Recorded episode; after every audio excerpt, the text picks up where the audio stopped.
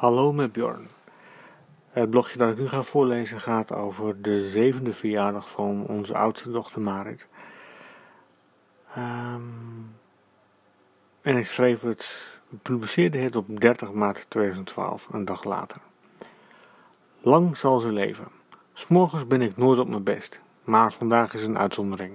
Marit is zeven geworden, dus sluipen Elnor, Elke en ik naar haar slaapkamer. Twee uur eerder maakte ze Elnor wakker. Ze was niet meer van plan om te slapen.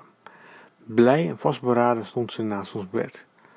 Elnor had nog wel wat slaap nodig, dus stond ze strategisch haar iPhone af. Voorzichtig liepen we haar kamer binnen. Verrast keek ze naar ons drieën. We hieven een lang, leven aan. Ze glunderde van oor tot oor. Ze stoot lachend kreetjes uit en trekt het dekbed over haar hoofd. Gesmoord keert ze verder. Als haar hoofd weer boven het dekbed uitsteekt, zien we kleine traantjes uit haar ooghoeken komen. Onze kleine meid van zeven is geëmotioneerd en ik ga er nog valser van zingen.